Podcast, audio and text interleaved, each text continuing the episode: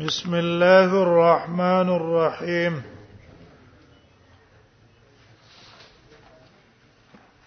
د صدقه الزرع خضراواتو کې زکات شته کنه شته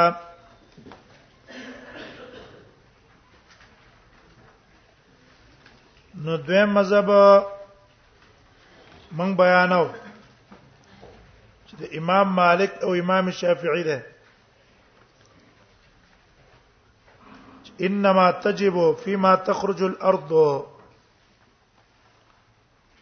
غوی زکات لازم ده هغه شي کې چې د زمکه نه راوځي خو په شرط ده چې کان مما یقطات و یدخر یو هغه قوتي د خلکو د پاره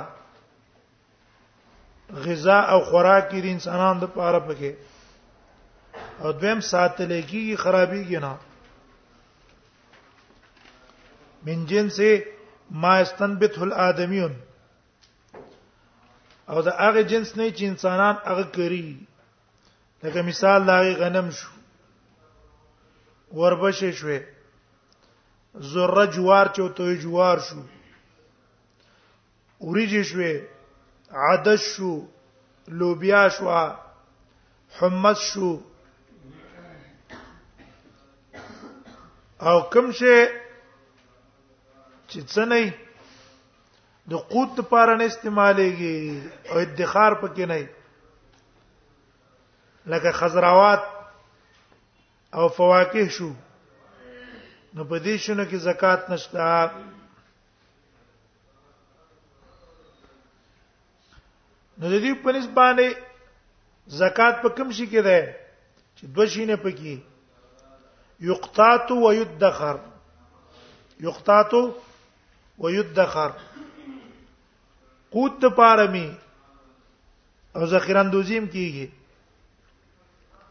کم شي کې چې قوت نه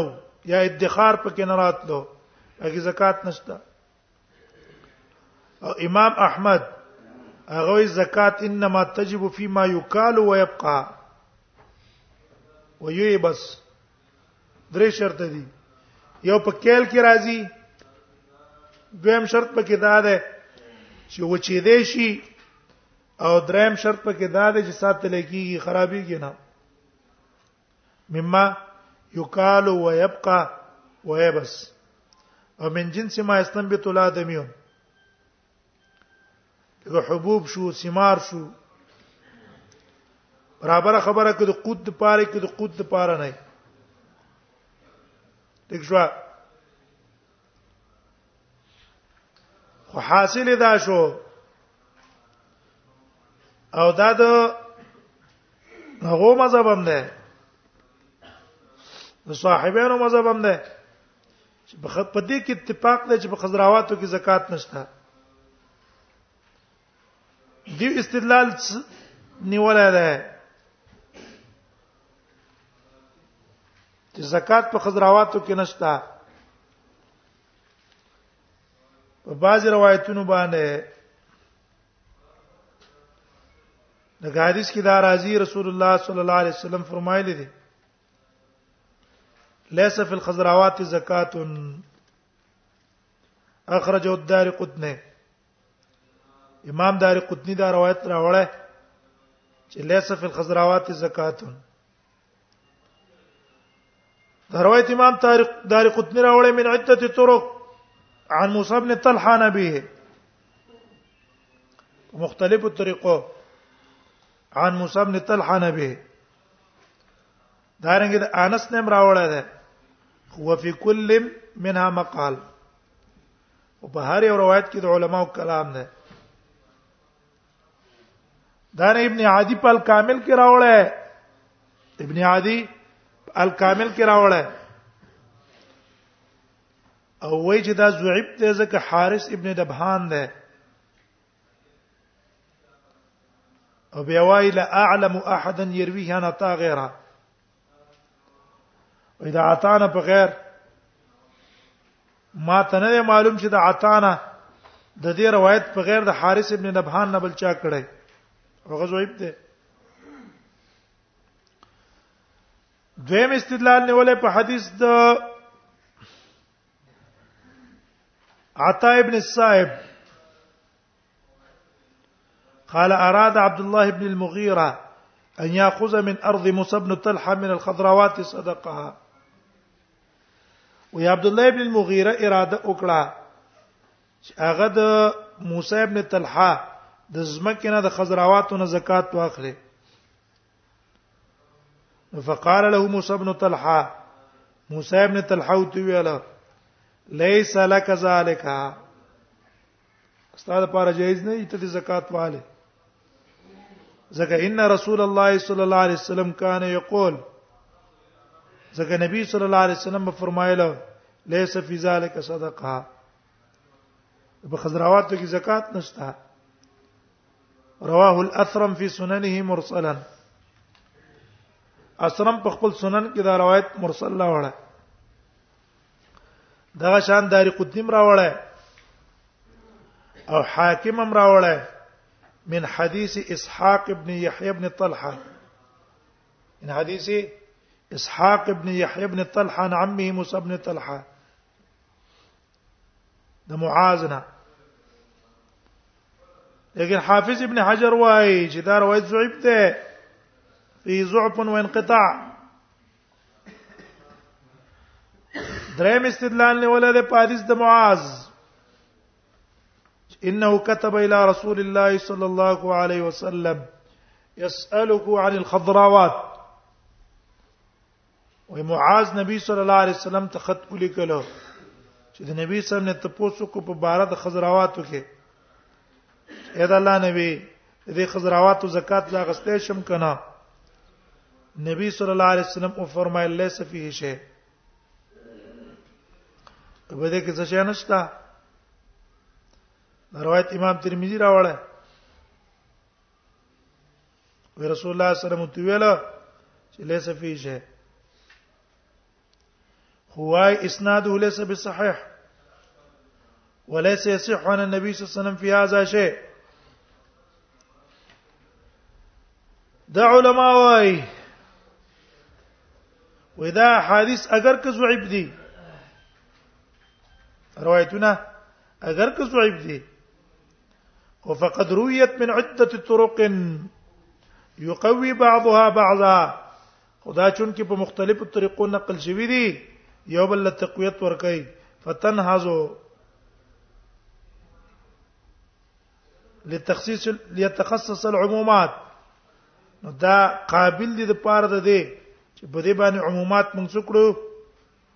کم عمومات چې راغلي لکه قران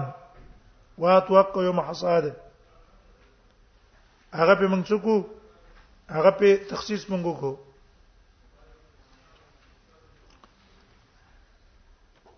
دریم قول د حسن بصری ده حسن ابن صالح ده سفيان يعني الثوري ده او امام شعبي ده هغي لا تجب الزكاه الا في القمح والشعير والزبيب والتمر زکات صرف څلور شینو کې پرز ده څلور شینو کې یو پاغي کې صرف غنم دي په غنمو کې زکات فرض ده په نور شینو کې زکات نشته دویم وربشه په وربشو کې فرض ده او دریم زبیبو کې فرض ده زبیبو انګور او بل په کجورو کې او تمر د دې نه په غیر چې ارشي امونو باغ دی د سیوانو باغ دی د ټماټرو باغ دی د الوچو باغ دی د بادامو باغ دی د غزانو باغ دی اگر که په غزانو کې قوت او ادخار هم شته کنه بادامو کې ادخار شته خضراوات نه دي باقلا شو پوم شو عدس شو ټک شو لوبیا شو دا څونه شینه چې دی په دې کې زکات نشته صرف په څلور شینو کې زکات ده دې څلور نه په غیر په نور شینو کې زکات نه دی استدلال نه ولا حدیث د ابو موسی الاشعری او د معاذ ابن جبل حين بعثهم النبي صلى الله عليه وسلم اليمن چې دا دواړه نبی صلی الله علیه وسلم یمن ته لګیلو نو نبی صلی الله علیه وسلم ته فرمایلی وو باغې کې چې لا تاخذ الصدقه الا من هذه الاربعه وې ته به ناخلی زکات مګر دې څلور شین نه بیا کړې الشعير والحنطه یو پاک شعير دی وربشي دی بل پکې غنم دی بل پکې زبيب دی زبيب او تمر او کجوري دی روایت حاکم راوړی دی اخرجه الحاکم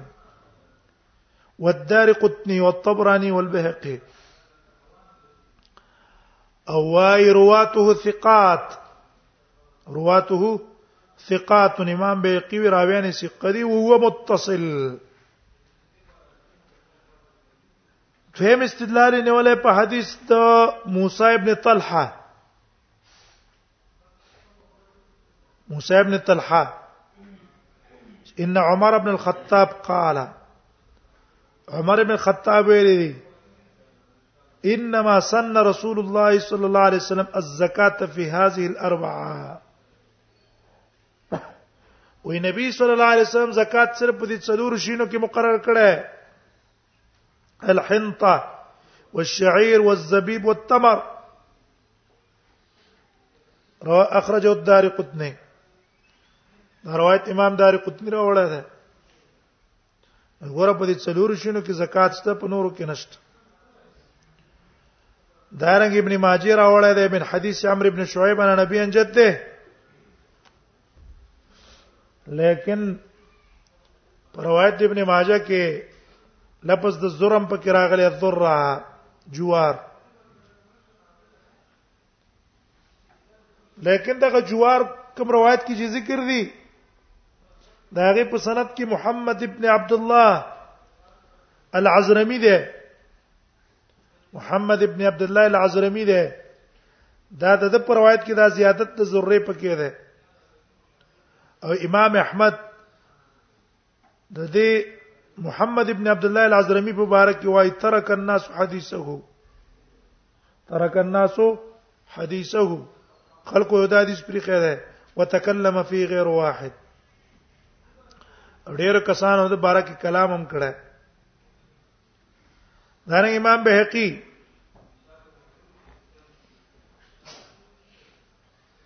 یو روایت راوړی دی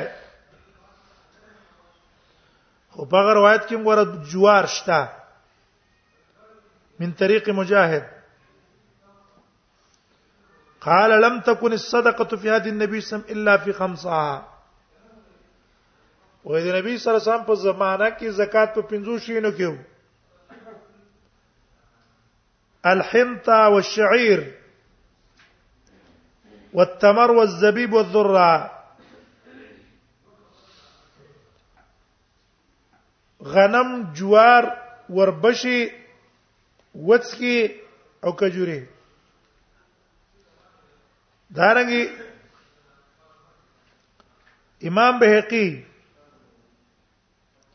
دا حدیث راوړې من طریق الحسن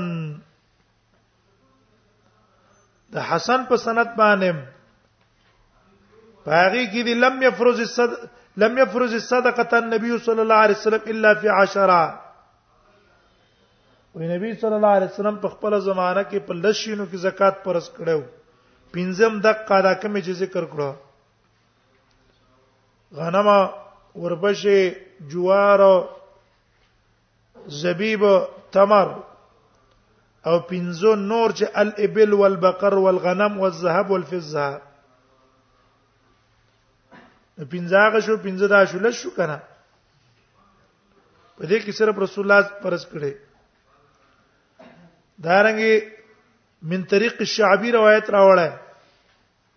كتب رسول الله صلی الله علیه وسلم الى اهل اليمن وی رسول الله صلی الله علیه وسلم یمن والا ته خط لګلو هغه کې دا انما الصدقه في الحنطه والشعير وی صدقه لازم ده پس کې في الحنطه په غنمو کې والشعير په اوربشو کې والتمر په کجورو کې والزبيب په زبيبو کې دغه زکات پرز ده امام بهقي وايي هذه مراسيل طرقها مختلفه ټیک د دا روایتونه مرسل دي خو په مختلفو طریقو راغلي دي وهي يؤكد بعضها بعضا یو بل تقویت ورکي او د دې سبه حدیث د ابي موسی چې واخلې چې مخکې تیر شو او قول د عمر او د علي او د عائشه چې ليس فی الخضروات زکات دا ټول تقویت ورکې د دې خبرې چې په خضرواتو کې زکات نشته او صرف په دې پنځو شینو کې د قبيله د مايومبت من الارض دې پاکي زکات شته په نورو کې نشته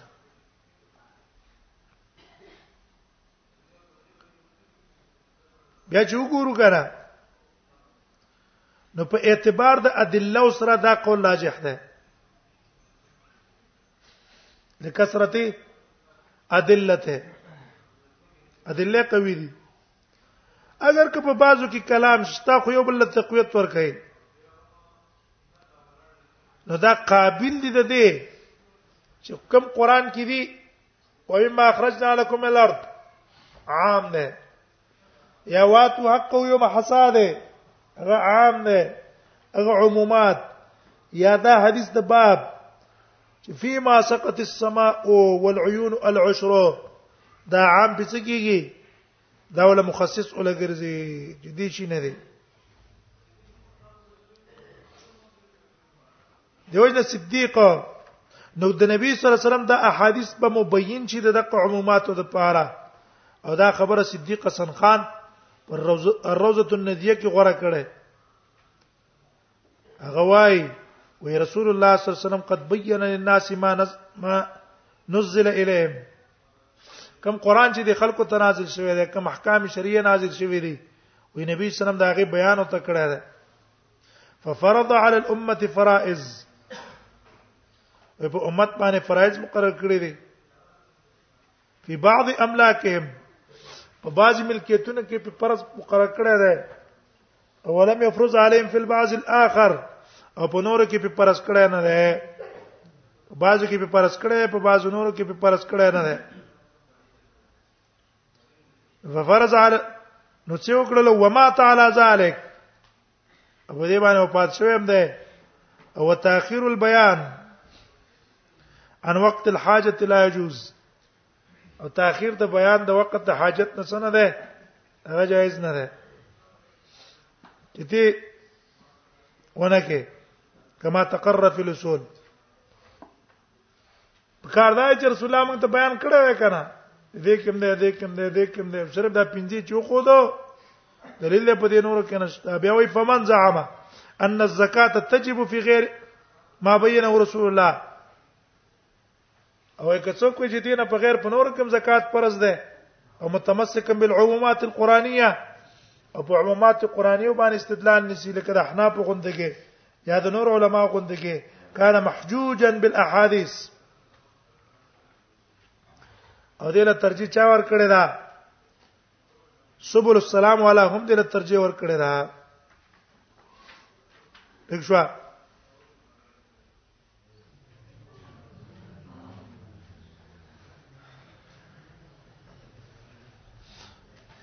نو دې قول مطابق په دې پنځو شینو کې زکات شته نورو کې نشته لیکن د دې په عکس باندې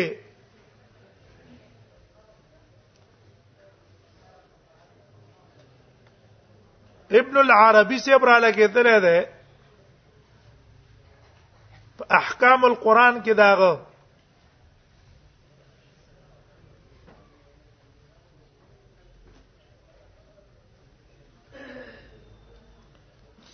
ابن العر د دې په عکس ابن العربي صاحب را لګیدل په احکام القرآن کې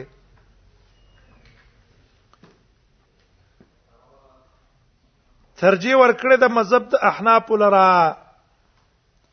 او د داوودی ظاهری قول لا او د حماد قول لا هغه خپل مالکی دی خو هغه د عمر ابن عبد العزيز د حماد او داوود ظاهری او د ابراهیم نقعی او د امام بونی فقول راجح ده چې هغه په کوم عموم باندې استدلال نیولې واتو حق یو محصاده دې آیات لاندې اوګه تفصیل کړه لري په تایید داغه د مذهب کې او په دین اور مذاهب باندې رد کړه ده بیا وی اما ابو حنیفه فجعل الايه مرأته فابصر الحق امام ابو حنیفه د آیات اصل کې شیشه ګرځولې ده او حق په مندل ده اوجبها فی الماکول قوتا او غیره او دغه حدیث کې نبی صلی الله علیه وسلم بیان مکړو فی ما سقط السماء حاصل بیا ده ده چې ګوره په دې باغونو په دې پسونو کې زکات پر کول پکار دي شکر لنعمت الله الله د نعمت ته شکر د پاره دې حاصل شو دارنګي فقه الزکات والا هغه ترجیح دی لور کړی دا چې را پدې کې موږ زکات پرز کولې یو غنم دولس من استا په پټی کې شو پاکه زکات دی استاد په دې کوټه کې چې واخلې کنه غټ غټ باغونه دي د هغه د مڼو باغونه دي او د سین طرف ته ډېر غټ غټ باغونه دي امونو چې په کروڑا روپۍ آمدن د دغه باغ نه او پای کې زکات نه لازمه او بلګو غنمو کې لازمه بلګو شعیرو کې لازمه دښوا لیکن کم علما چې وایي چې په دې امونه کې زکات نشته معنی دا ده چې دې باغونو والا دا خرج کړه خدا پیسې د تجارت شوي کنه دا پیسې چې د تلاش لراله نو د سکنوري پیسې وي څه پتی ور کوي زکات پتی ور کوي د مال مال زکات پتی ور کوي هر طرف ته دلایل دي بس او وی قران آیاتونه عام دي او کوم احادیث چې تاسو مخصص وای دا د کلام نه خالی نه دي ابو زویب روایتونه باندې مطلق د کتاب الله څنګه مقید کوي څنګه پکې مقید کوي بس منګه مو وایو چې د نظر د پاره پکې څه شته ولل نظر ول اجتهاد فيه مجال کوم ول ترجیح ور کوي کاغله ور کوي کدیله ور کوي کدیله ور کوي بس مقید ته ګورئ نو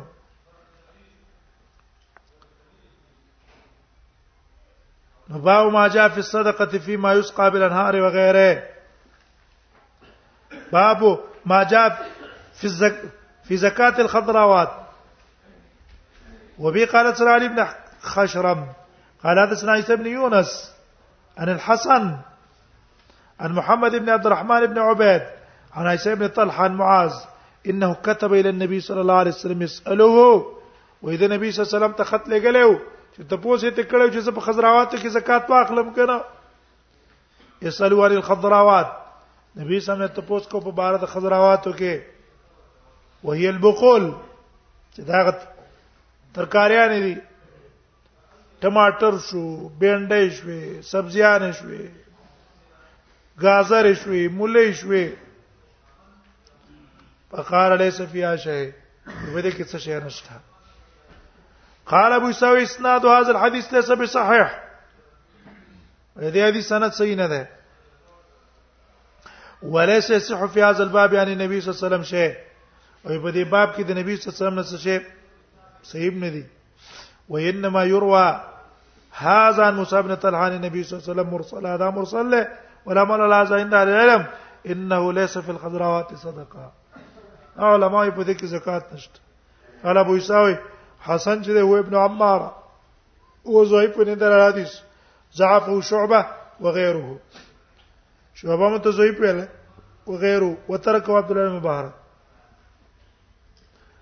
باو ما جاء في الصدقه فيما يسقى بالانهار وغيرها دا اوس وای چې یاره په څونه زمکه کې به زکاتی مقدار او په کوم زمکه کې به څونه زکاتی مقدار واجبہ ذکر کړي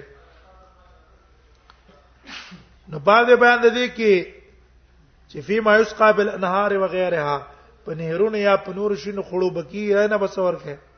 او په اسماني وبو خړو بکی عن سليمان بن يسار وبصر بن سعيد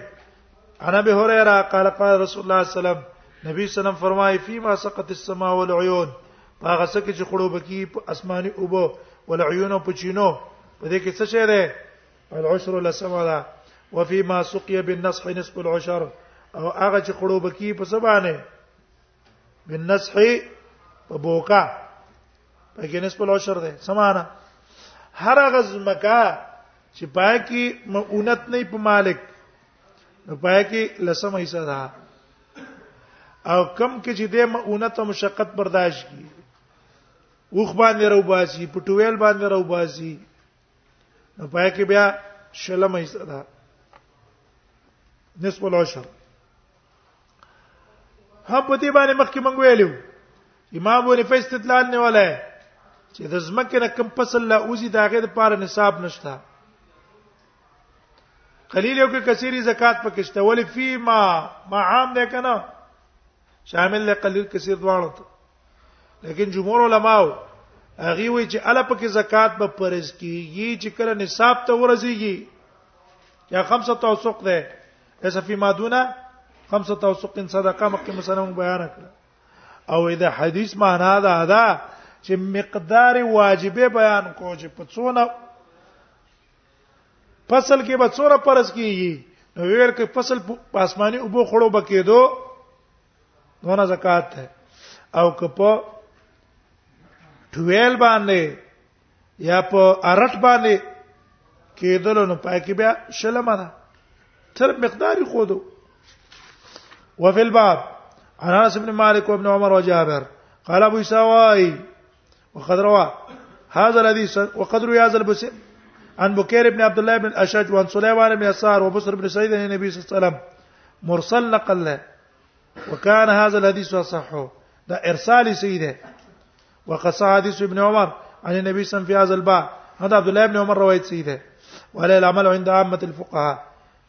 حدثنا احمد بن حسن سعيد بن ابي مريم قال سلم بن وهب قال سلم يونس بن شعب عن سالم بن ابي عن رسول الله صلى الله عليه وسلم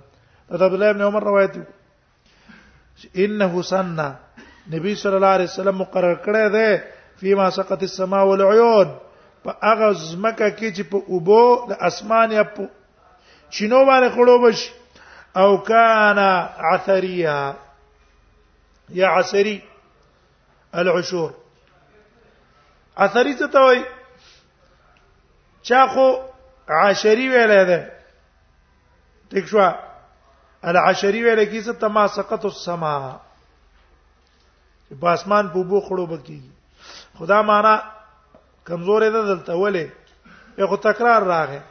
ځکه فی ما سقط السما کې خپل معنا شو کنه شو او چې ته د عشری به ته معنا پاغه باندې وکې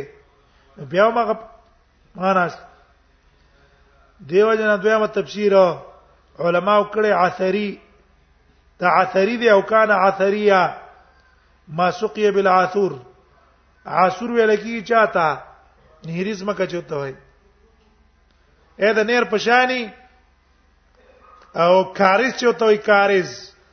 پس پای کې تیاری وبر روانې دي کویانو نه یو چینا بل چینا او بل چینا یو ځای کړي او هغه لاندې راځي د نیر سم مشابه هغه ته خړو بکی نو دې کې څه شه ده